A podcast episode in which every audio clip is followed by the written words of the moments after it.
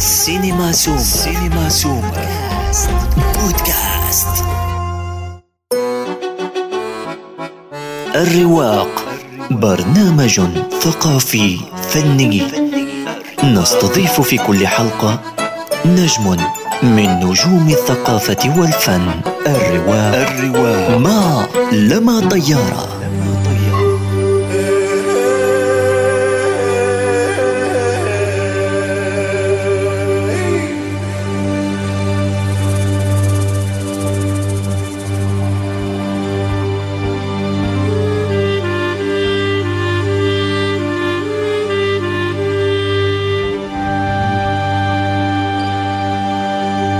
واحد من أهم المؤلفين والموسيقيين العرب. في جعبته عشرات الأعمال الموسيقية التي وظفت في الدراما التلفزيونية والسينمائية. نذكر منها مسلسل هوانم جاردن سيتي وفيلم الكتكات وعصافير النيل وفيلم مواطن ومخبر وحرامي. ضيف الرواق هو الفنان المصري العالمي الدكتور راجح داود يا روايح الزمن الجميل هفهفي آه، مساء الخير دكتور راجح. سعيدة جدا أنه أنت ضيفنا اليوم بالرواق. آه، مساء الخير يا أستاذة لما آه، أنا سعيد بتسجيل الحوار ده معاكي. الحقيقة حاب حابة أبدأ معك ال- الحوار من الحفل الذي أقيم مؤخرا في دار الأوبرا. اللي عزفت فيه آه، بعض من مقطوعاتك الموسيقية ومؤلفاتك وقبلها كان في حفل بإسكندرية ولاقى إقبال شديد من الجمهور آه، بحسب الصحافة برأيك آه، رغم يعني تدني أو تراجع الذوق العام في الموسيقى وانتشار آه، موسيقى المهرجانات كيف تصمد الموسيقى الجادة والنخبوية وتلقى كل هذا الإقبال من الجمهور؟ آه، طبعا آه، أنت عارفة إن مصر يعني تعداد سكانها أكتر من 100 مليون. آه، والتنوع في ال 100 مليون في تنوع كبير جدا في ثقافة مجموعات كتيرة مختلفة. لذلك مصر بتلاقي حاليا يعني بتلاقي موسيقى المهرجانات أو ما يطلق عليه موسيقى المهرجانات بتمثل قطاع وثقافة معينة. ال- الموسيقى ال- الموسيقى الطرب آه، بتمثل ثقافة طبقة أخرى. آه، موسيقى ال- الموسيقى الشبابية والأغاني الجديدة بتمثل أيضا قطاع. وأيضا آه، في قطاع بيستهويه ال- الموسيقى ال- السيمفونية أو الكلاسيكية أو الموسيقى العالمية وده برضو أيضا آه، قطاع. آه،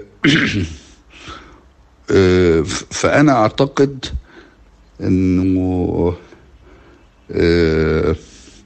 يعني الإقبال اللي كان موجود على ال- الحفلتين اللي كانوا في اسكندرية أو في في القاهرة في الأوبرا هو كان من قبيل يعني آه، قطاع معين بيهتم بموسيقى آه، مكتوبة حديثا أو بلغة آه، سيمفونية وفي نفس الوقت بتحمل ملامح بتحمل ملامح خاصة بشخصية مصرية.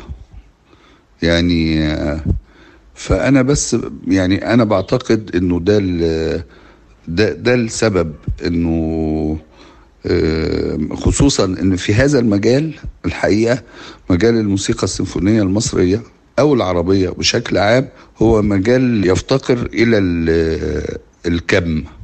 آه، إن إحنا لسه آه، بن يعني ال- المجال ده جديد علينا كمصريين وكعرب.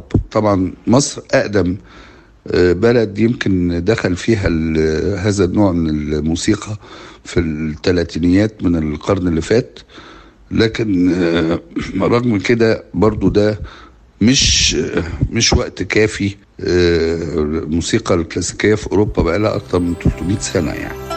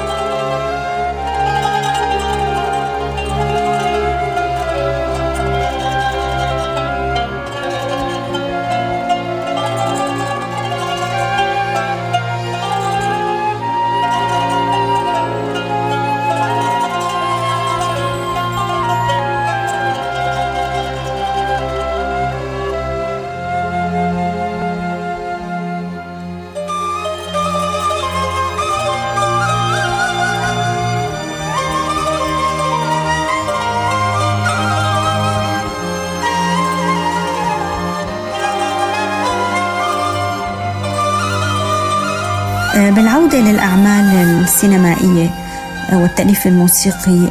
حضرتك بتستخدم أو تؤلف موسيقيا soloist لآلة الفلوت وال pan flute والوتريات وأحيانا البيانو. لكن في عندك أعمال مميزة مثل هي ودافنشي عصافير النيل. كنت عامل ال soloist لآلة القانون بأرض الخوف كمان كان شيء مميز جدا أنه كانت الأوركسترا كلها من آلة التشيلو. آه، بالإضافة للصوت البشري. آه، هل نوع الدراما آه، أو قصة العمل هي اللي بتفرض عليك استخدام آلة معينة بعينها يعني؟ أو هذا الأمر يرجع إلى ذوقك وإحساسك كفنان؟ الموسيقى هي روح الفيلم. و... والفيلم بلا موسيقى بيبقى زي جسد بلا روح. فلازم الروح دي تستمد من المادة الدرامية بتاعت الفيلم ده أساسا. طبعا بصفة عامة أقدر أقول لك كده إن الآلات الشرقية أو الآلات المحلية سواء في مصر أو أي آلات محلية في أي بقعة من بقاع العالم هي غير كافية لتأدية وظيفة البعد الدرامي اللي ممكن آه، يخلقوا صوت آه، آه، أوركسترا صغير أو كبير أو أي نوع من الأوركسترا السيمفوني. إحنا مثلا إحنا الموسيقى بتاعتنا في الشرق عموما هي موسيقى لحنية بحتة بتهتم باللحن لكن ما بتهتمش أو أو أو أو, أو هي دي يعني هي دي صفاتها القيمة الجمالية اللي فيها هي قيمة الجمالية للحن. ولذلك الموسيقى عند المصريين وعند العرب بشكل عام في معظم الأحيان بتعني, بتعني الغناء. على مستوى الناس آه، الموسيقى بتبقى يعني بيعبروا عنها بالغناء. آه، عكس الموسيقى في آه، في أوروبا اللي هي برضو ابتدت بالألحان لكن اخذت عبر النهضة آه، الكبيرة اللي حصلت في, في أوروبا ولغاية النهارده اخذت أبعاد أخرى هي اللي إحنا بنسميها يعني البعد الدرامي. فبقى الأساليب ال counterpoint وال harmony يعني السؤال اللي بيتوارد لذهني آه، هل حضرتك لما بتكتب الموسيقى التصويرية للعمل هل تقرأه أم تشاهده؟ يعني هل تكتفي بالورق سواء كان العمل تلفزيوني أو سينمائي؟ اولا في فرق طبعا بين الكتابة للدراما التلفزيونية أو السينما.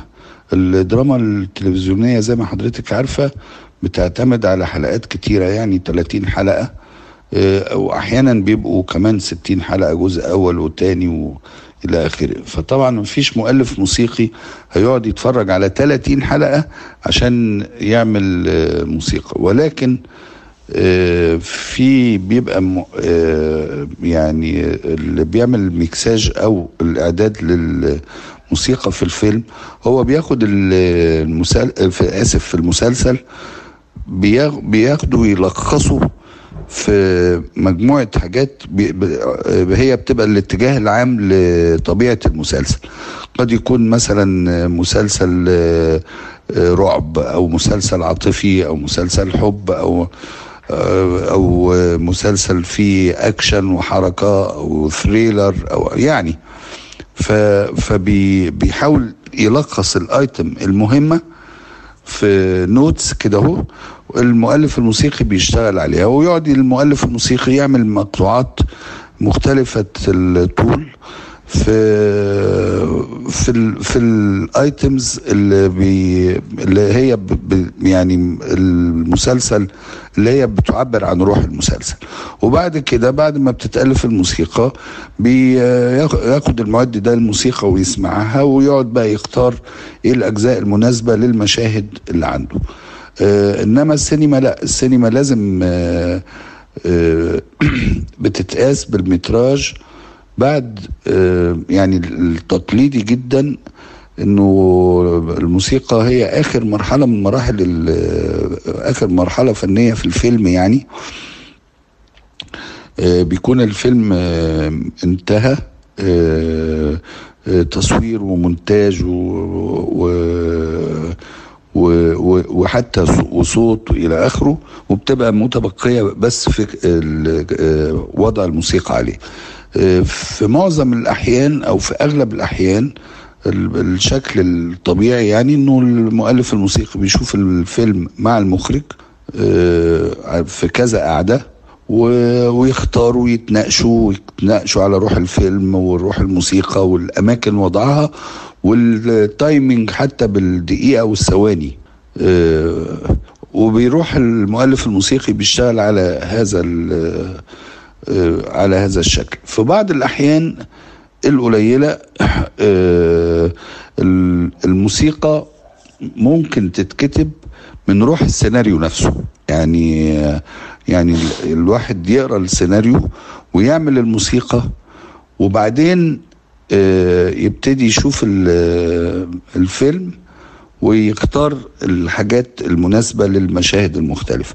بس عادة النوع ده آه، يعني بيكون الفكرة فيه إنه السيناريو نفسه نفسه يكون بيعتمد على مصادر أدبية أو روايات أدبية آه، زي مثلا أفلام آه، اتعملت آه، على روايات لإبراهيم أصلان زي عصافير النيل أو الكيت كات إلى آخره أو سارق الفرح لخيري شلبي مثلا.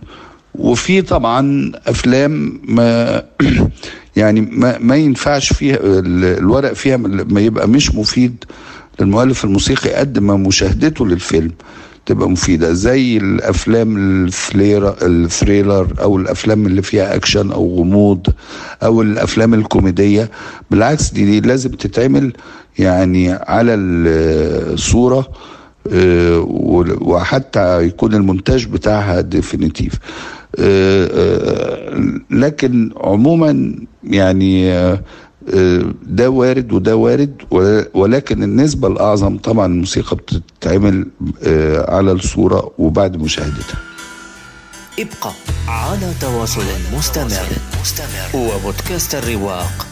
لا تنسى تفعيل زر الاشتراك الموجود في تطبيقك لتصلك الحلقات في حينها.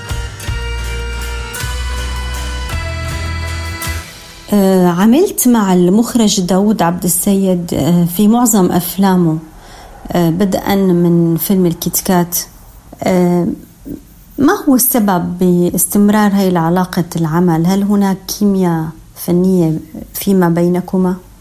يعني ممكن آه، ممكن حضرتك تقولي نوع من الكيمياء الفنية بس أنا ما ما أعتقدش إن هي نوع من الكيمياء الفنية. أنا أعتقد إن آه، يعني ت- ت- الأفكار تتلاقى وتتقاطع ثم تتلاقى مرة أخرى. آه،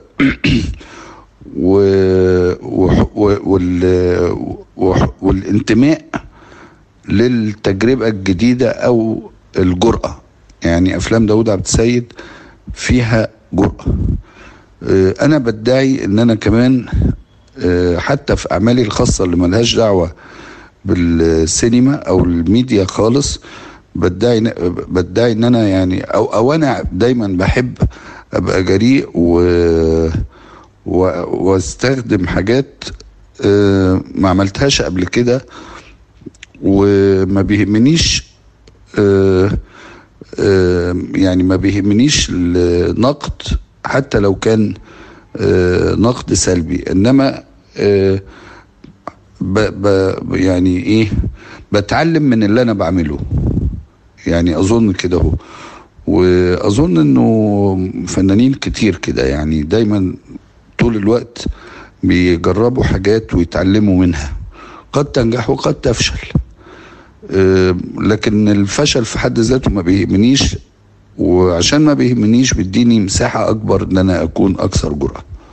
آه، بالإضافة لأن أفلام داود عبد السيد نفسها هي بتتسم بالجرأة و- والمغامرة وأحيانا الجنون. يعني قبل ما أقفل معك لازم أكيد نحكي على مسلسل هوانم جاردن سيتي. هذا العمل كان كتير له جماهيرية بسوريا ومعظم الناس حتى اليوم يحفظون شارته وكلمات الأغنية. آه تقريبا هو العمل الوحيد اللي حضرتك عامل فيه آه جينيريك آه بصوت بشري. آه باقي الأعمال آه كلها هي مؤلفات موسيقية فقط للآلات. هل برأيك هذا السؤال؟ وأنت دائما تقول أنني أنا لم أستطع أو لم أعرف تسويق نفسي. هل برأيك العمل للدراما التلفزيونية من خلال شارة موسيقية مغناة هو يسهل تسويق الفنان وتسويق ألحانه لدى الجمهور؟ هو للتصحيح فقط.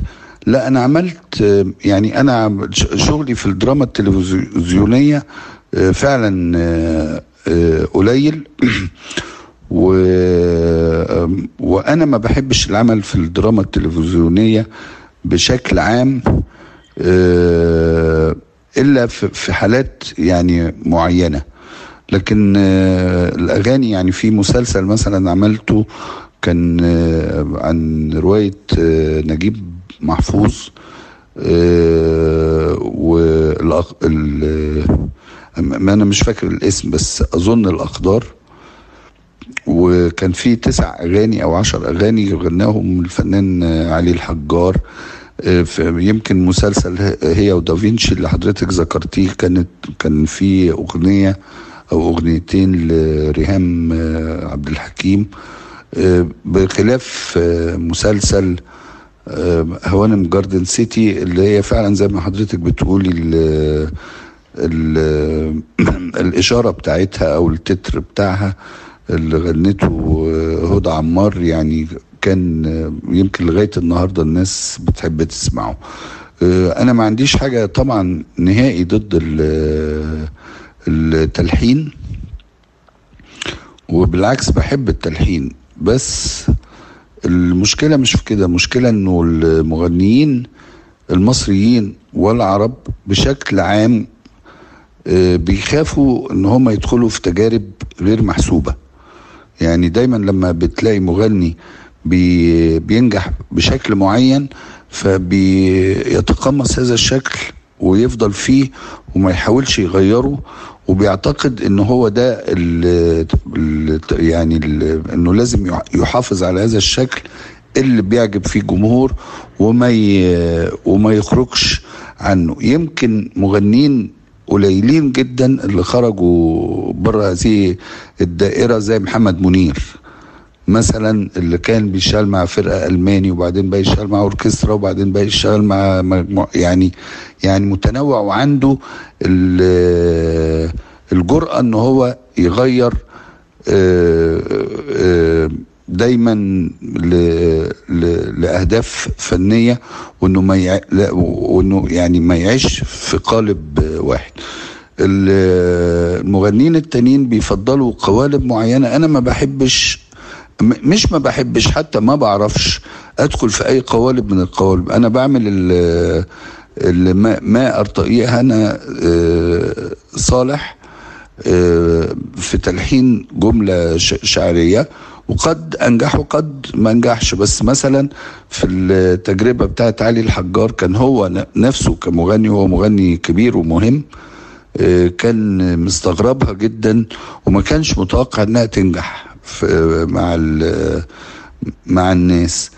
لما راح وقعد وسمع أصدقائه قالوا له لأ ده يعني يعني يعني عكس تماما عكس ما هو توقع. جاله جاله رد فعل إيجابي على الحاجة الجديدة اللي هو عملها. فهي دي مش مشكلتي قد ما هي مشكلة النمطية في الفن. واللي أنا ما أعرفش أبقى جزء منها. بتشكرك دكتور راجح لحضورك معنا بحلقة بودكاست ونتمنى لك التوفيق والنجاح في كل مسيرتك الفنية. شكرا كثير لك. أه وأنا كمان بشكرك على الأسئلة الفنية والمهمة اللي أنت سألتيني ليها وأتمنى لحضرتك وللسادة المستمعين عام جديد كله خير وسعادة. شكرا. الحلقة القادمة من الرواق سنقابل أحد أروقة الفن ممن لمعت مسيرته بأعماله. فلا تفوتوا الحلقة القادمة من بودكاست الرواق. كان معكم لما طيارة في الإعداد والتقديم ووافي بوميدة في الإخراج. إلى اللقاء.